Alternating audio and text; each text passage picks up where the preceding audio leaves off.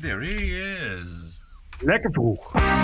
This is the TPO podcast. Pieter Omtzigt zoekt naar nieuw leiderschap. Hoe kunnen we dan nieuwe beloftes krijgen terwijl de oude beloftes die plechtig gedaan waren niet zijn nagekomen? Christelijke Universiteit begraaft kerstfeest. Welcome to the VU Festival of Lights. En de bonusquote gaat over mijn eigen. Mijn eigen? Nou, begin maar met jezelf te zeggen in plaats van mijn eigen. Aflevering 310. Ranting and Reason. Bert Bresson, Roderick Phalo. This is the award-winning TPO podcast.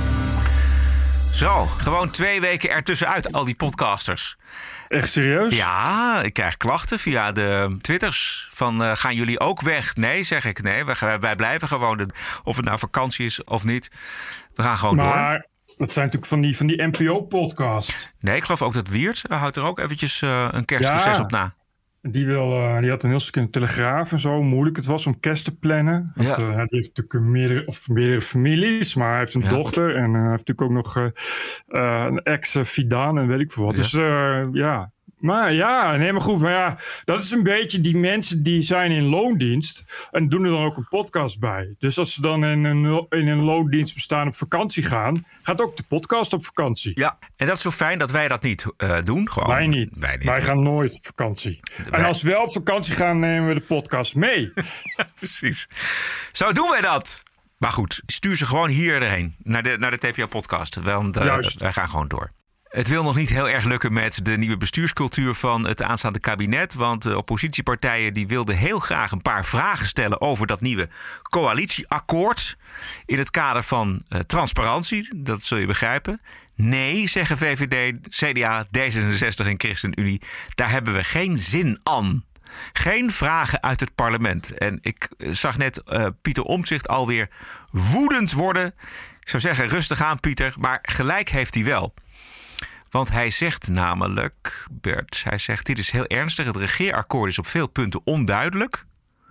Ja. eh, en niet doorgerekend. En de financiële gevolgen zijn niet helder. Oppositie zegt wij willen er een aantal vragen over stellen. En de coalitie zegt nee hoor. Meteen de vinger op de zere plek. Namelijk mooie woorden over nieuwe bestuurscultuur. Maar op dag één, sterker nog, voordat het kabinet überhaupt is aangetreden, merken we er helemaal niets van in dat kabinet. Ze mogen geen vragen stellen. Nee, Ja, wat is dat nou? Ja. Het, het hoeft formeel misschien ook niet, want eh, het kabinet heeft natuurlijk een meerderheid in de Tweede Kamer. Dus die, die, die partijen hebben net dat regeerakkoord eh, onder ogen gezien en gezegd: oké, eh, onze zegen heb je. Maar als de oppositie nou vraagt, en die oppositie heb je ook eh, nodig. Goh, laten ons nou ook eens een paar vragen stellen over dat coalitieakkoord. Want wij, voor ons zijn een aantal dingen niet duidelijk, vooral de financiële onderbouwing niet. Nou, moet je net bij Pieter Omtzigt zijn. Dus die wil Ja. gewoon een aantal vragen stellen. Die wil geen keiharde oppositie voeren, maar laat nou eens eventjes ons wat dingen duidelijk maken. Nou, dan zou je zeggen, als je een nieuwe bestuurscultuur hebt en dan doe je dat. Dan zeg je, oké, wij willen een betere relatie met die Tweede Kamer. We gaan eens eventjes die vragen beantwoorden. Nee, dat doen ze dus niet. Nou ja, maar eh, eh, het klinkt, als, eh, klinkt gewoon als de voortzetting van de Rutte-cultuur Ja, eigenlijk. exact. De Rutte-doctrine. Die. Lekker niemand mag iets weten. Ja, precies. Nul transparantie. En dan ook de Kamer die het volk vertegenwoordigt. Zeg je, nee, het volk mag niks weten. Maar het, het- ja, het is toch ja, precies hetzelfde als wat het was, zou ik maar zeggen. Ik Ja. dacht dat een nieuw leiderschap, een nieuw elan... Ja. en omzien naar elkaar... Ja, precies. Omzien naar elkaar. Omzien. Het eerste wat je dan doet, is omzien naar het volk... wat zich gerepresenteerd weet door Kamerleden. Zeker. Niet, niet dat er veel kritische Kamerleden zijn, maar toch één omzicht. Eh, ik dacht eerst dat ze het verkeerd gespeld hadden. Ik dacht omzien, dat moet natuurlijk omzicht zijn. Ja. Maar goed, Omzien nou, lekker begin. Ja, lekker beginnen. En eh, nou eh, heeft het kabinet ook zo'n fantastische basis in het land. Eh, Ik weet niet of je afgelopen zondag de peiling van Maurice de Hond hebt gezien. Maar Ja, er zijn nog maar 58 zetels over voor het kabinet. nou en of, het is jaar 21 op 9 geloof ik. En BBB en Volt en PVV en FVD, die kun je dan allemaal... Ja, Volt denk ik niet. Maar het is bijna, bijna een rechtse coalitie. Ja, Misschien wel. Ja, ja. Hij peilde zondag zondag min 7 zetels voor de VVD, min 6 Juist. voor D66, min 8 voor het CDA en plus 1 voor de ChristenUnie. Samen dus 58 zetels. Ja. Terwijl je er natuurlijk gewoon na de verkiezingen normaal gesproken gewoon eh, 76 plus moet hebben.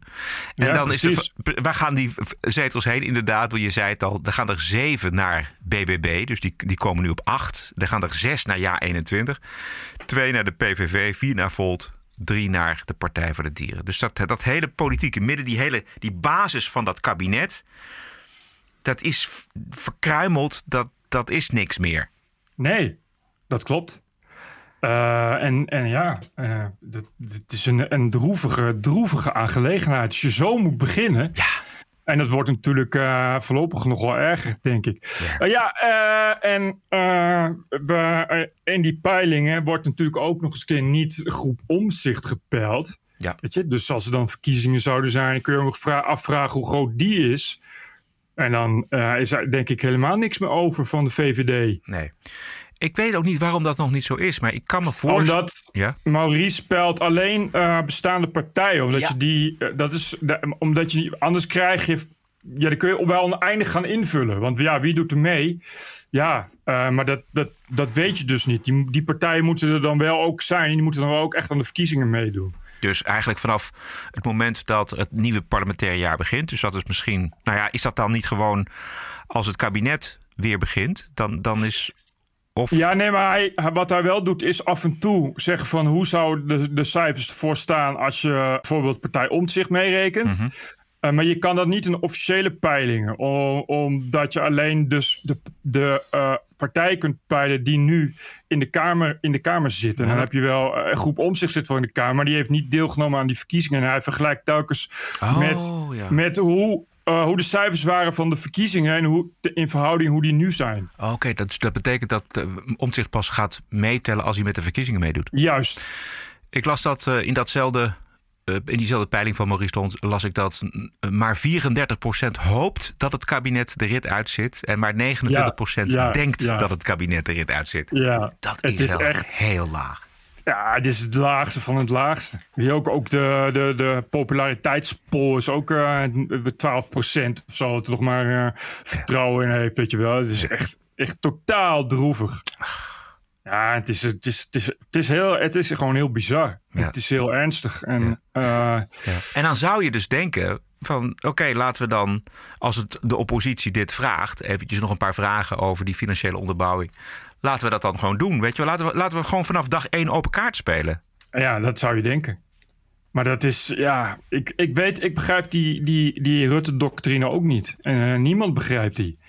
En het is, het is, een, ja, het is gewoon een raar, rare manier, maar het is natuurlijk een soort van, van ingebouwde veiligheidsreflex. Ja. Om al je kaarten zoveel mogelijk tegen de borst te houden. Al helemaal eh, voordat, je, hè, eh, voordat je een kabinet hebt. Voordat, je, voor, voordat je op het bordes hebt gestaan.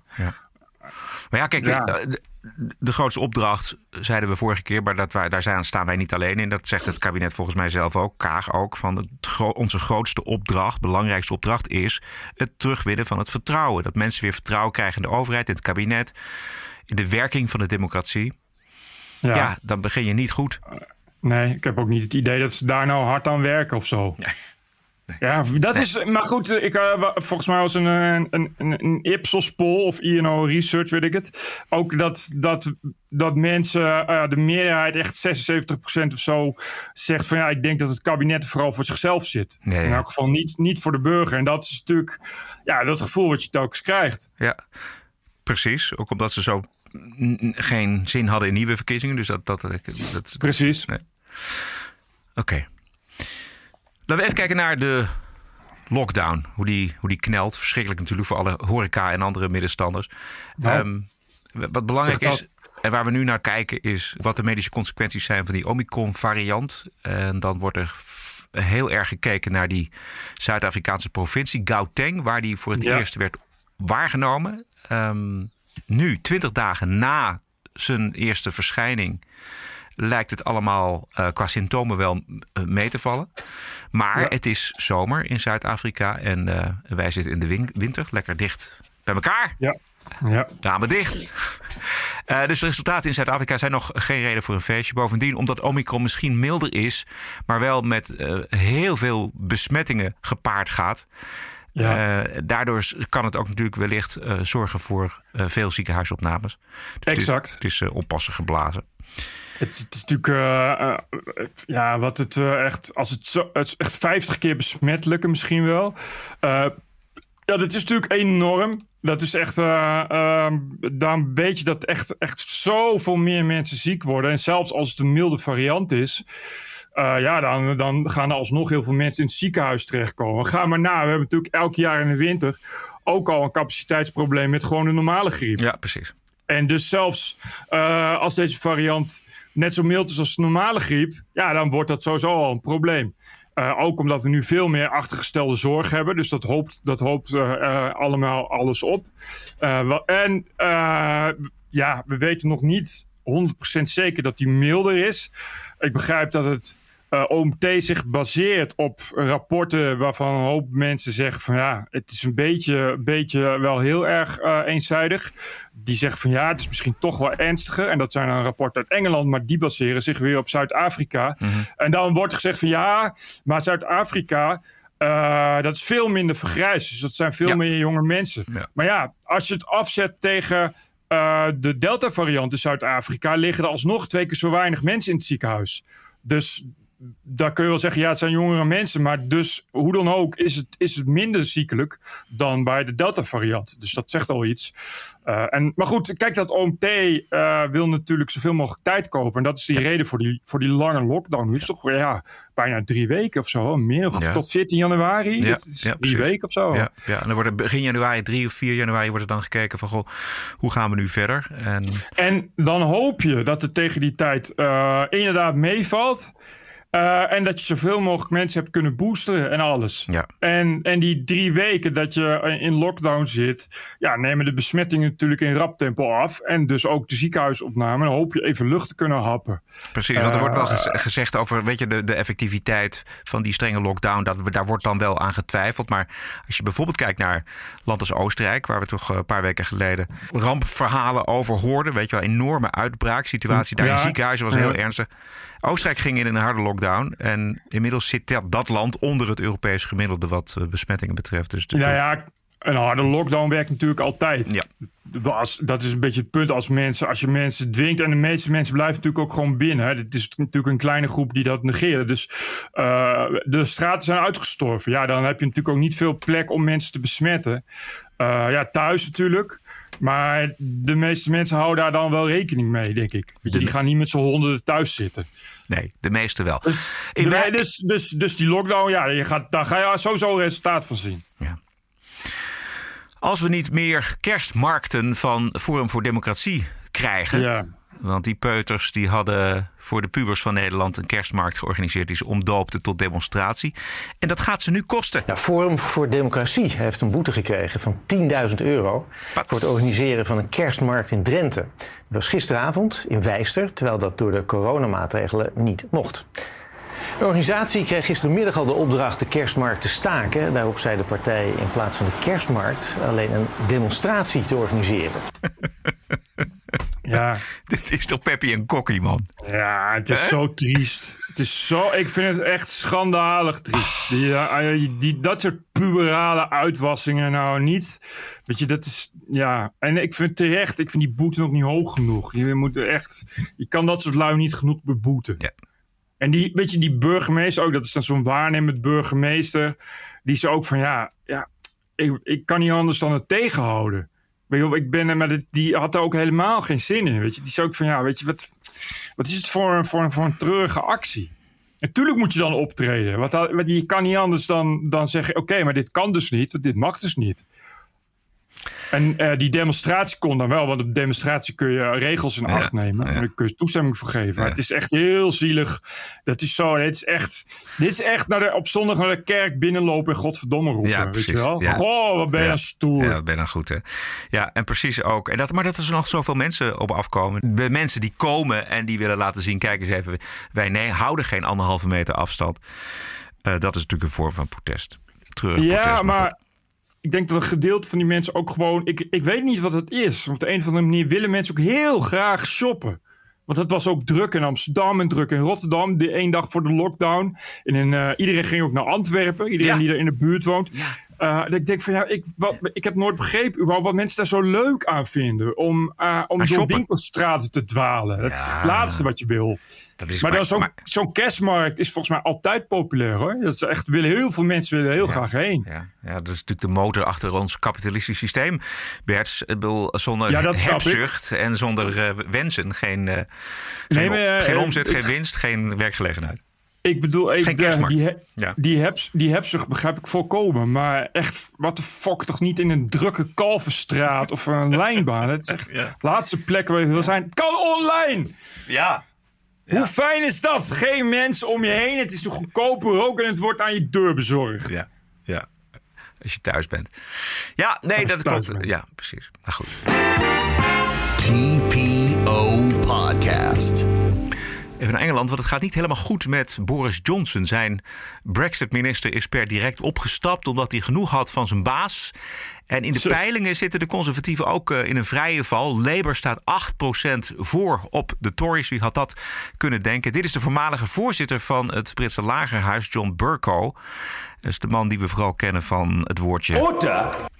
Eh, hij heeft eh, veel meer woorden ter beschikking. En dit is hem afgelopen week bij Good Morning Britain over Boris Johnson. I'm sorry to say it, but I've known 12 prime ministers in my lifetime, and by a country mile, Boris Johnson is the worst. His natural instinct is not to be open, not to be transparent, not to be accountable, but narcissistically to think what suits me? How can I extricate myself from this awkward situation? By what means can I arrogate blame somewhere else? This is way below the standard that the British public are entitled to expect. And when people say, well, isn't it important that we focus on the big issues rather than on wallpaper or the cost of a flat? I suppose the answer to that is this. If there isn't a basic level of trust in the most senior minister in the government, it's very difficult to operate a democratic polity at all. That's the problem. This guy stinks in the nostrils of decent people.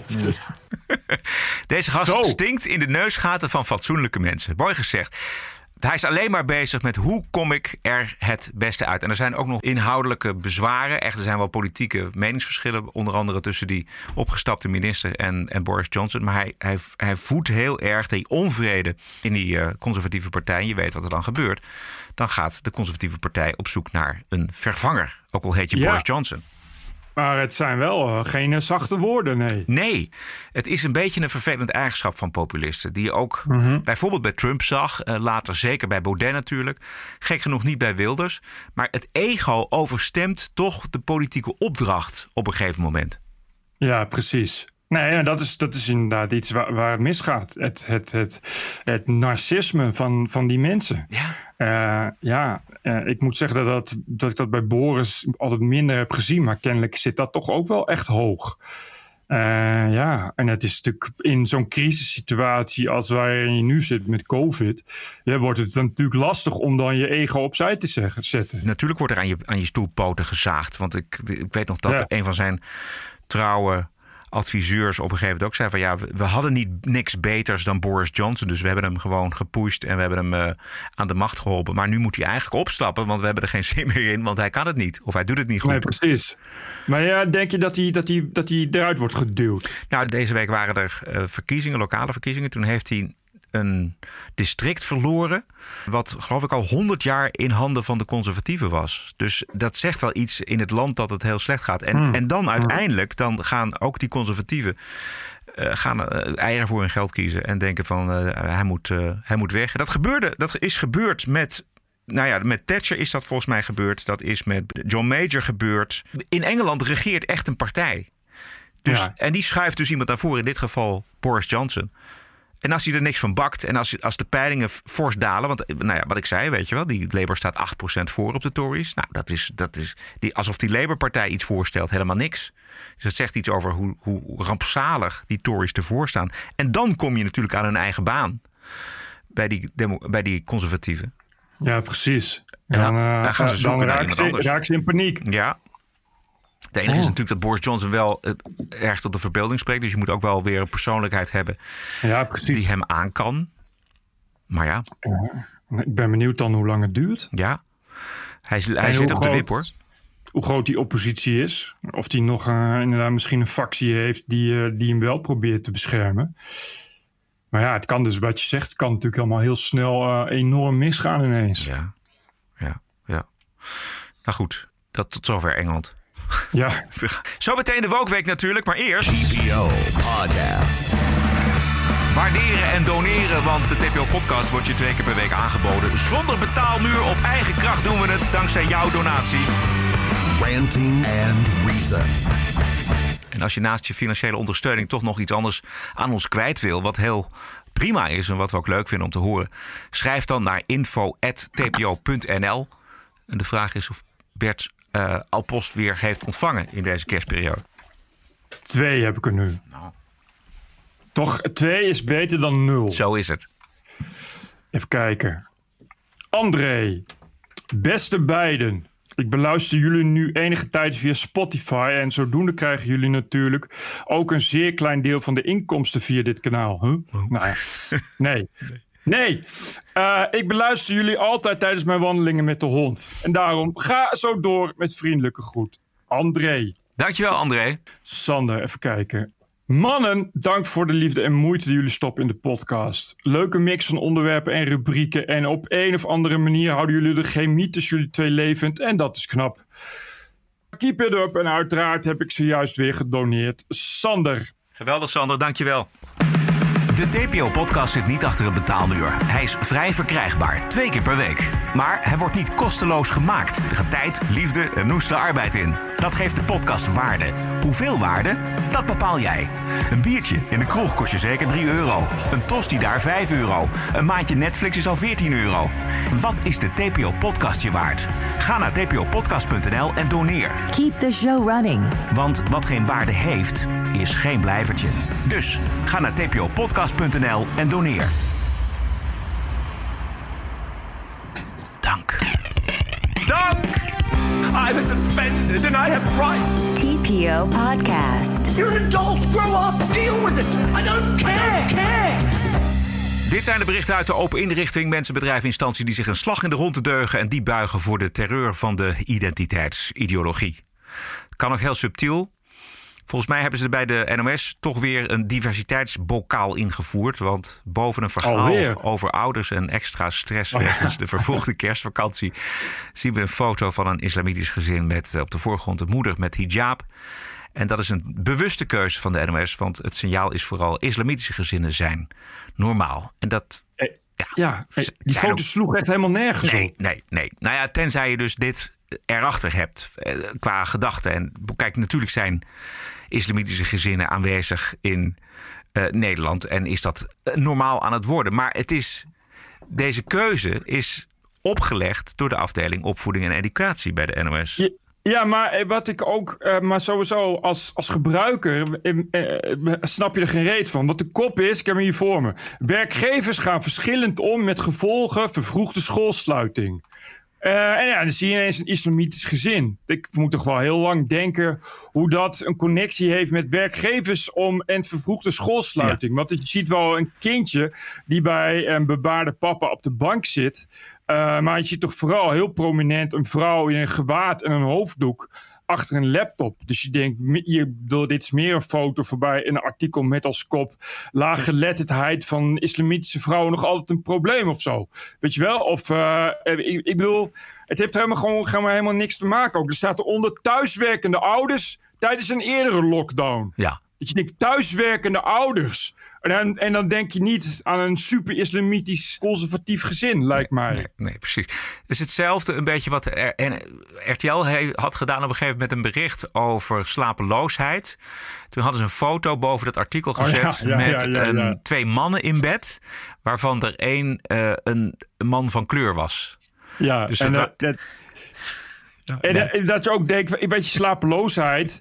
en je kan toch gewoon inderdaad een slapend persoon. Nou, hoezo twee mannen? Ja, Dat- dat- precies, ja. je- Een man en een vrouw is ook niet nodig. Net zo goed als twee mannen niet nodig. Het is echt, ik snap dat, je, dat het soms moeilijk is om een leuke illustratie te vinden. Maar dit, is- het is zo troevig. Wat je aan alle kanten ziet aan zo'n foto, zo'n keuze, zowel bij RTL als bij de NOS, is dat- dat er zo goed over nagedacht is en dat er een, be- een beslissende keuze is gemaakt in het kader van diversiteit en inclusie. Vreselijk. Ja. dit zal wel een soort protocol zijn ook. Hè? Dat je daar Ja. gewoon af en toe...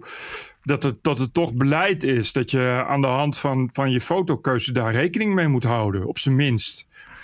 Ja, of het, Denk is, ik. Ja, het- of het is een, een individueel iemand, een, eh, Ja, dat een millennial, millennial die dan zegt van, hé, hey, dit is toch leuk? Ja, en dan zegt iemand, nou, moet dat nou? Ja, nee, dat moet wel, want het, het is toch normaal. Eh, de vraag is of het representatief is. Eh, uit een, een, een onderzoek van Ipsos van een paar jaar geleden blijkt dat wij, onder andere door dit soort keuzes wellicht, het aantal moslims veel hoger inschatten dan de werkelijkheid toestaat. Volgens dat onderzoek denken we in Nederland dat een kwart van de bevolking moslim is, terwijl in werkelijkheid dat maar 7% is. En dat kan natuurlijk komen omdat moslims relatief vaak in het nieuws zijn. En dat Ja. er in, in, in de Randstad bijvoorbeeld heel veel moslims wonen, relatief veel moslims. Waardoor redacteuren die ook uit die Randstad komen en anderen denken het aandeel moslims in Nederland is een kwart. Nou, dan moeten we ze vertegenwoordigen in de plaatjes over slapeloosheid of over eh, de FNV en het probleem met de lockdown. Ja, maar het- ik heb echt. eh, er is echt zo'n idee van we moeten. De hele tijd moeten we dat pushen. Omdat we een. eh, een eh, anders geen afspiegeling zijn van de samenleving. Terwijl ik denk, het wordt er al zoveel gepusht. dat het, dat het eh, inderdaad geen afspiegeling meer is van de samenleving. Omdat er gewoon een overkill aan is. precies. Ja. Weet je, het, is, het is zo duidelijk aanwezig en zo duidelijk zichtbaar dat je dat ook.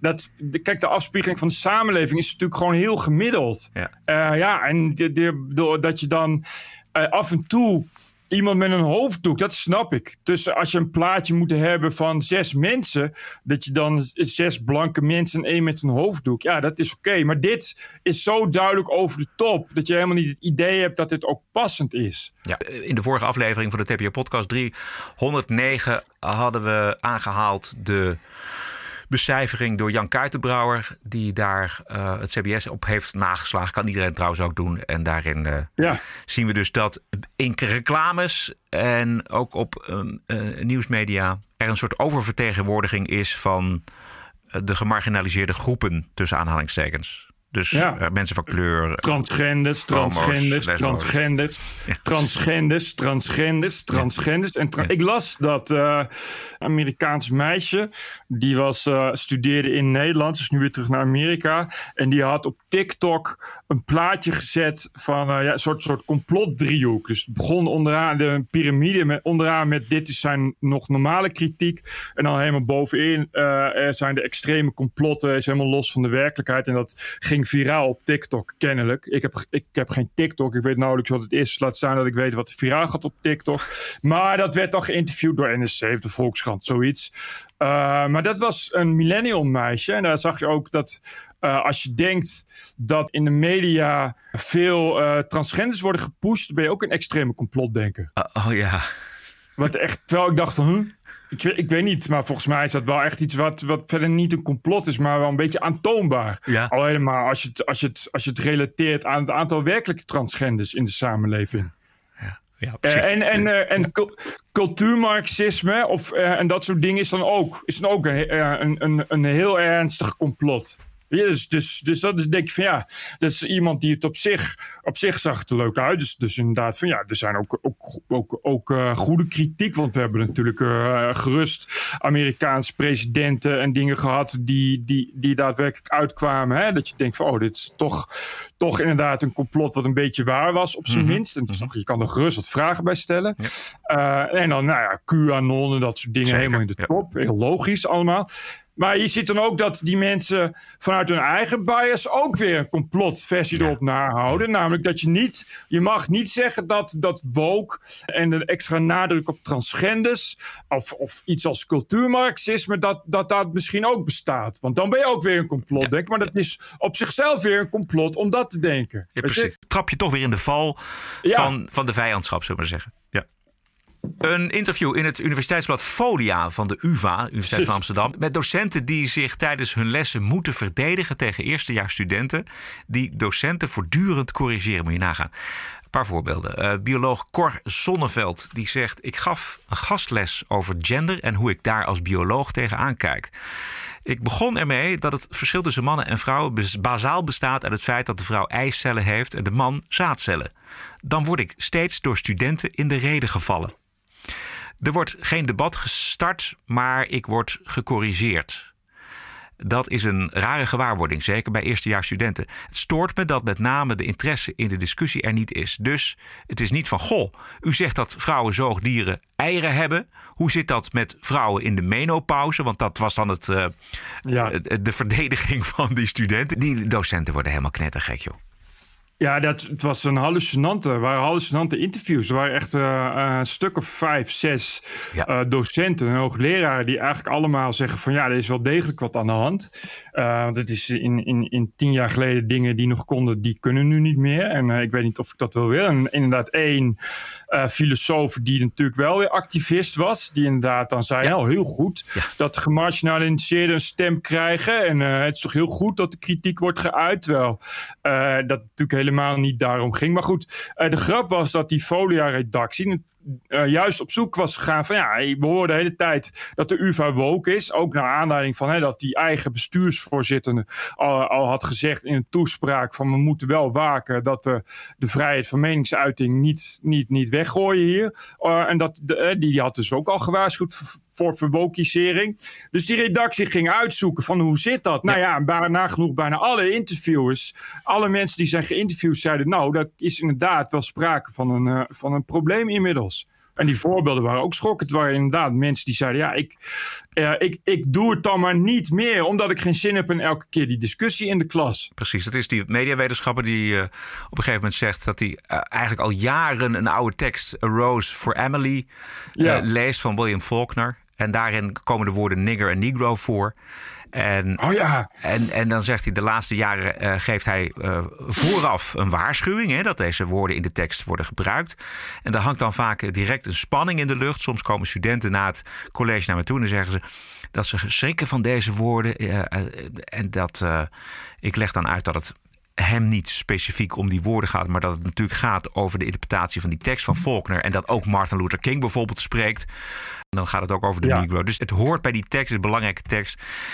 En hij gebruikt nu N-word 1 en oh, N-word ja, 2. Ja. Dat is toch, toch totaal bezopen dat je woorden, dat woorden alleen al te kwetsend zijn. En dat je dus, dat je, dat je dus, dus je, ja, dat is, ja, die, hoe, hoe, je kan dan toch niet, niet wetenschap bedrijven? Nee je kan dan, je moet dat dan, je, dat je dus moet zeggen, ja, N-word 1. Oh, je bedoelt nigger. Nee, N-word 1. Nee, negro. Nee, nee, nee, N-word 1. Weet je, ja, ik, maar als je al weet wat het, wat het is, dan is het toch even kwetsend. Dan kun je het toch net zo goed noemen. Maar en dat is toch totaal bizar dat, dat mensen uh, überhaupt nu zo geëvolueerd zijn, kennelijk de verkeerde kant op, dat ze gekwetst worden door, door bestaande woorden. Precies, daar gaat het om. Het, het, je zou best nog wel een intellectueel debat kunnen voeren over of je het woord negro of nigger gebruikt. Dat, dat, dat zou nog wel kunnen.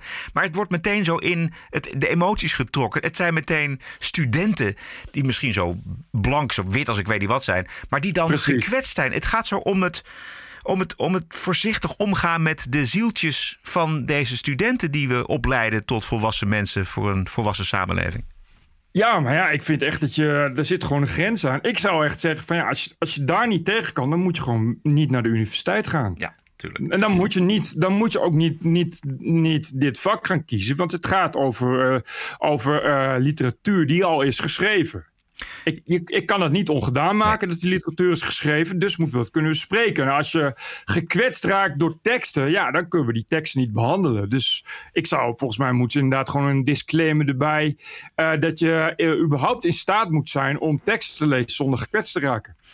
Om eh, te weten hoe er in de woke-beweging wordt gedacht. Jij noemde haar al, dus die filosoof Jolande Jansen, die zegt dan, die vindt het eigenlijk prima om zo'n generatie watjes te kweken. Die zegt waar ik, moet, waar ik moeite mee heb, is de suggestie dat studenten ook maar alles moeten kunnen verdragen. Ik vind het niet eerlijk dat de witte meerderheid, gaan we, die bijvoorbeeld raciale kwesties niet zo vaak over zich heen krijgen, mag bepalen waar de grenzen liggen, wat wel en wat niet verdragen valt. Studenten die in een marginale positie zitten, het is allemaal gewoon tekstboek woke die in een marginale positie zitten, die zijn al heel vaak in aanraking gekomen met zaken die kwetsend zijn. De vraag hoe weerbaar je moet zijn, is niet eerlijk verdeeld. de niet eerlijk verdeeld. Nee, precies. De ene groep moet veel weerbaarder zijn dan de andere. Dit soort mensen maken de wetenschap kapot en de UvA kapot. En de Vrije Universiteit kapot. Want ja, maar uh, ja. daar, dit is natuurlijk die, die VU in Amsterdam. Dat is van origine natuurlijk een protestant-christelijke universiteit. Ja, maar die is ook heel erg geworden. Ongelooflijk. Die, die hebben een diepe afkeer gekregen tegen hun eigen identiteit. Eh, de, Vrije Universiteit durft uh, eigenlijk niet meer uit te komen voor zijn christelijke karakter. En dat zien we bijvoorbeeld al een paar jaar bij de viering van kerst. Ook dit jaar weer de Christelijke Universiteit die doet niets meer aan kerst. Want dan sluit je alleen maar mensen buiten. Dit is de president van de universiteit, Mirjam van Praag. Dear students and colleagues, welcome to the VU Festival of Lights. This is a VU celebration that is inspired by ancient stories and religious traditions such as Christmas, Diwali, and Hanukkah. What the fuck? Ja, overal kerstbomen. Dit is de kerst. Ze zijn protestants-christelijk. Oh nee, we maken er het festival van het licht van. En dat heeft ook te maken met christelijke... Oh nee, met, met, met religieuze, zoals het christendom. Het is wel raar voor, voor, voor een gereformeerd vrijgemaakte uh, universiteit om kerst uit te bannen. Living and working together in our diverse academic environment here at de Vrije Universiteit. Precies, daar gaat het op. Maar ik snap ook niet, hoezo sluit je mensen buiten? Het is toch niet zo dat je, dat je, dat je moslims, uh, want daar gaat het natuurlijk om, de. Uh, maar het is toch niet zo dat je, dat je moslims uh, verplicht naar de kerk te gaan of zo?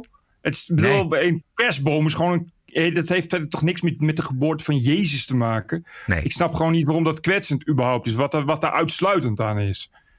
De, de VU, weet ik wel, heeft veel studenten uit het buitenland, maar welke universiteit ja. niet? Nee, de VU, maar de VU heeft ook heel veel hoofddoekjes. Dus het is wel echt een groot aandeel aan moslims. Ja, maar nou komt Jezus natuurlijk gewoon voor in de Koran. Ja. Sterker, de persoon die niet in Jezus gelooft, kan geen moslim zijn zegt de Koran. Ik heb een paar teksten uitgezocht. Moslims geloven dat Jezus vele wonderen verrichtte, zoals het genezen van de blinden en het terug tot leven wekken van doden. Moslims geloven dat Jezus een van de grootste profeten was die gestuurd is door God. En moslims geloven dat Jezus zal terugkeren en dat hij vrede en rechtvaardigheid op aarde zal stichten. Met andere woorden, je kunt volgens mij prima kerstmis vieren met moslims. Ik heb ook nog nooit het idee gehad dat moslims daar iets tegen hebben. Ik heb dat ook nog nooit gehoord, sowieso. Ik bedoel, het is niet dat, dat moslims uh, nooit klagen. Dus als het zo was, had je het wel gehoord. Maar ik, volgens mij is het nog nooit een probleem geweest dat, dat, dat überhaupt ook in de radicale islam dat ooit is gezegd: oh, kerst, schande. Dat hele wookgif is helemaal bij Mirjam van Praag naar binnen gegaan. En die bedenkt dus: oh jee, we hebben een hoop moslimstudenten. Laten we vooral van het kerstfeest een lichtfeest maken. Ik snap gewoon niet, uh, maar dat het kan toch niet als je, als je identiteit van je universiteit überhaupt gegrond is ja. uh, in, gereformeerde, in gereformeerd christendom. Wat heb je dan een schaamte over je, over je eigen identiteit? Hoe ziek kan het zijn? Nou. Ik snap ook, ik, ik, is er uh, al, van wanneer is dit? Dit is van, van deze week. Ik heb het helemaal gemist. Ja. Het is echt, echt totaal maf, vind ik het. Ja. Je ondergraaft het gedachtegoed en, de, en, en het geloof van je eigen religie helemaal. Want Jezus is er voor iedereen, ja. weet je wel. Ik bedoel, uh, uh, uh, hij, hij is voor iedereen gestorven. En als je dan zegt, ja, maar wacht even. We, met kerst sluiten we eigenlijk mensen buiten. Wat moet je dan met je eigen geloof? Hoezo sluit je mensen buiten? Dat snap ja, dat, ik dat gewoon denken ze. Niet. Ik, ik, volgens mij, volgens mij de meeste moslims in Nederland vieren gewoon kerst mee. Uh, die hangen dan gewoon gekleurde knipperende lampjes op. En normale Nederlanders witte, niet knipperende lampjes. Maar het is niet, volgens mij is het gewoon een algemeen geaccepteerd uh, iets van, van, van Nederland zijn. En niet alleen in Nederland, volgens mij over de hele wereld. Ik kan me niet voorstellen dat ze in uh, Saoedi-Arabië nergens kerstbomen hebben met kerst eigenlijk. Ja, denk het wel. Of, Daar... lamp, of lampjes en dat soort dingen. Dat lijkt me onzin. Maar goed, in ieder geval uh, dat je niet bereid bent om te staan voor je eigen geloof. Dan moet je je voorstellen dat het suikerfeest door moslims wordt afgeschaft omdat ze bang zijn dat christenen in Nederland daar een probleem mee hebben of zich ja, buitengesloten ja, voelen. Zie je dat gebeuren? nee. Ja, en de is islamitische universiteit ze geen suikerfeest meer vieren om de niet-islamieten niet voor het hoofd te stoten. Precies, ja. Ja, ik bedoel, het gaat echt heel ver. Ik hoop dat er nog meer over dan naar buiten komt. Dat daar ook enige, enige een verantwoording. Want er zitten een hoop gereformeerden, ook op hoge posities. Die moeten daar toch iets van vinden, lijkt mij. Ik kan me niet voorstellen dat die nou blij mee zijn dat hun, hun christelijke universiteit ineens uh, kerst. Ja, de geboorte van Jezus gaan ontkennen. het, is, toch wel, toch wel heel, heel droevig. De diversiteit en inclusie loopt dun door de broek bij Mirjam van Praag. Together we are de Vrije Universiteit and I wish you a happy December month full of light. Jezus. Wat een, wat een drama is het zeg. Nog, een, nog geen tien jaar geleden wenste zij, of in ieder geval haar voorganger, alle studenten van welke afkomst ook een prettig en fijn kerstfeest. Wat is daar mis mee? Juist. Helemaal niks. Um, ik had nog eentje. Had jij nog wat? Uh... Nee, nee, nee. Goed. Uh, het wolkvirus verspreidt zich uiteraard ook via de Verenigde Naties. Op 25 maart volgend jaar treedt officieel de Islamitische Republiek Iran toe tot de VN-commissie voor de positie van vrouwen. Ja, oké. Okay. Ik geef het op. Oké. Okay. What a woke week it was. This is the TPO podcast. It is. En ik heb nog een bonusquote. Oh, lekker. Gaan we. The award-winning TPO podcast. De bonusquote is afkomstig uit een programma dat wij nooit zien, Bert. En dat heet Lang leven de liefde. We zijn getuigen van een gesprek in de keuken tussen Daniek en oh, ja. Ronald. Kan ik iets voor je doen verder? Dan uh, voel ik mij ook niet zo nutteloos. Mijn eigen? Nou, begin maar met jezelf te zeggen in plaats van mijn eigen. Voel ik mezelf niet zo nutteloos. In plaats van mijn eigen. Ik vraag gewoon netjes of, je, of ik iets kan doen omdat ik mezelf nutteloos voel. En dan, ja, krijg ik een reactie dat ik denk van, ja maar... Ik irriteer me inderdaad aan als iemand de hele tijd mijn eigen zegt en beter als... En daar zeg ik de hele tijd van niks van. Dat is helemaal niet alla ik. Normaal zeg ik al heel snel daar iets van. En dat doe ik de hele tijd al niet. Mm. Maar dat betekent niet dat ik me er niet aan stoor. Dus dat ik het op een gegeven moment met de knipoog misschien wel een beetje aan kan geven. Ja, excuses daarvoor. Ik, uh, dat is nou eenmaal wie ik ben, zo praat ik. Ja, sorry. Hoezo? ja, ze heeft wel een beetje gelijk. Ze heeft natuurlijk hartstikke gelijk. En op een gegeven moment zit ze aan de telefoon met een vriendin. Ja, het is echt erg. Ik kan echt wel janken. Het is zo iemand die overal op zegt: Het is zoals het is. Dat zegt hij de hele tijd. En als ik dan zeg van God, dat zeg je wel heel vaak. Dan zegt hij: Ik ben gewoon zoals ik ben. Jezus, wat, ik, uh, wat is het voor een programma dan? Dit zijn mensen, dit is een soort datingshow. Het is, het is precies, het is Big Brother, uh, maar dan uh, heeft het een andere titel gekregen. En dan gaat het vooral om de liefde. En dan hopen ze natuurlijk dat er een liefde opbloeit of juist niet. In dit geval bijvoorbeeld. Het oh ja. Camera's 24 uur per dag. Een beetje in het kader van de successen van Talpa. De actie ook van John de Mol om ja. het AD te boycotten. Ja. het, het is toch ook echt extreem. Vandaag stond dus in alle kranten, een pagina grote kranten, advertentie van Talpa met bedankt jongens uh, richting uh, de jongens van VI. Eén krant was overgeslagen, namelijk het Algemeen Dagblad. Het is, ik vond het zo raar. Ik, het is zo'n rare reactie. Ja.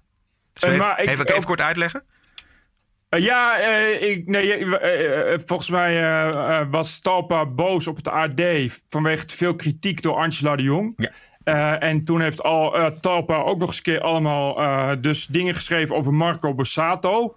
die kennelijk ook eh, een vaste vriend aan huis is bij Talpa. Dat zit er dik in. Ja, in shownieuws had zij geschreven... er zit een fanclub van Marco Borsato... die het Ja, helemaal opneemt voor hem... en verder helemaal niet kritisch kijkt naar wat er misschien wel degelijk eh, gebeurd is. Ja. En, eh, en, en ook voor toen was Talpa was het zo zat dat ze hebben gezegd van we willen geen samenwerking met jullie. Jullie krijgen geen persberichten meer van ons. Eh, ja, die, die willen gewoon eh, dat, dat, dat het liefste dat AD niet meer over Talpa schrijft. Wat echt heel raar is. Want ik snap als je dat doet bij NRC. eh, Ja. Want ja, er zijn weinig mensen die NRC lezen en ook Talpa gaan kijken. Met AD is volgens mij echt de wandelende doelgroep van Talpa. Is- Ja. Dat is zo raar om dat dan te doen. Ja. Dat denk je echt van, dat is gewoon een persoonlijke rancune die ja, boven, boven bedrijfsvoering gaat. Dat ga je namelijk gewoon, dit gaat je namelijk gewoon geld kosten als Talpa. Dat ga je merken. Dus je moet eh, die persberichten, al die shit. Talp of AD is echt een groot afnemen van alles wat jij en ik niet willen lezen. Dus dat betekent dat de Talpa-doelgroep het wel graag wil lezen. Echt, elke ster wordt geïnterviewd bij, door het AD. En alles wordt positief nog een keer extra in de etalage gezet. En dat zijn dus al die shows en nieuwe shows en sterren van Talpa. Die bereiken gewoon via het AD een groot publiek. Precies, tuurlijk. En dat je denkt van, nou, als we dit doen... dan eh, houdt Angela de Jong wel op met schrijven over onze televisieprogramma's. eh, precies. Eh, alleen, al, eh, alleen al het idee dat je dat zou willen. Weet je wel, dat je zou willen met dit soort, met zo'n boycott. Dat je zou willen proberen om redactionele invloed uit te oefenen op wat er in het AD staat. Wat is er voor belachelijks? Het is echt, en het is vanaf het begin af aan. eh, John de Mol heeft ook al eh, destijds eh, dat hij probeerde met advocaten eh, ANP-berichten te censureren. En dan die, die, die lui van Mediacourant kregen dan een advocaat op hun dak. Dat ze de kop moesten aanpassen. En het is echt totaal, totaal ziek. En het is bekend dus dat je inderdaad in de, in de programma's... Ja, het is gewoon een verbod om bepaalde dingen te zeggen. Ja. Daar mag je gewoon niet over praten. En als je het wel doet, ja, dan word je kalt gesteld. Ja, zo kun je, dat in, dat, zo kun je daar niet mee omgaan. Dat, volgens mij is het echt totaal iets waarmee je jezelf wel heel erg in je voet schiet, hoor. Wat ook algemeen bekend is, is dat John de Mol overal zich mee bemoeit met ieder detail. Weet je wel? Dus die, dat, en, en dat kan hij prima doen in zijn eigen bedrijf Talpa. En, en met al die radio- en televisiezenders. Maar dat je denkt dat dat nog verder gaat. Dat je ook een Angela de Jong zou kunnen piepelen op deze manier. Dat is toch waanzin? Nee, en bovendien, dat AD blijft natuurlijk gewoon over schrijven. Ja. Maar dan nog negatiever. Ja, ik bedoel, als ik Angela de Jong was, ging ik alleen nog maar over Talpa en John de Mol schrijven. Ja, bedoel, dit is... Ja, en terecht. Maar dit is, dit is wel echt, ja, het riekt gewoon echt aan Noord-Koreaanse censuurpogingen. Dat, dat doe je toch niet? Laat je je dan kennen, man. Maar het zegt dan ook, ik- je kan, kijk, ik, dat is toch niet raar. Ik vind dat je als John de Mol ook gewoon in een talkshow kunt gaan zitten van ja, ik vind AD een kutkrant. Tuurlijk. Prima. Maar je gaat toch niet zeggen, ik ga jullie geen persberichten. De hele idee van persberichten is dat mensen er reclame voor maken. Nou oké, prima dan. Ja. Succes John de Mol. Het gaat al zo goed met de kijkcijfers. Echt top idee. Dit was aflevering 310 van de TPO Podcast. Elke dinsdag en vrijdag op Spotify, Apple Podcast, iTunes, TPO Podcast en YouTube. En hou deze podcast in de lucht. Natuurlijk met een financiële ondersteuning. Elk bedrag is welkom. Wat is het mij waard? Onze website, daar zie je hoe je kunt doneren. tpopodcast.nl We zijn terug vrijdag 24 december. Stay cool! En tot vrijdag. TPO Podcast. Bert Bruson, Roderick Balo, Ranting and Reason.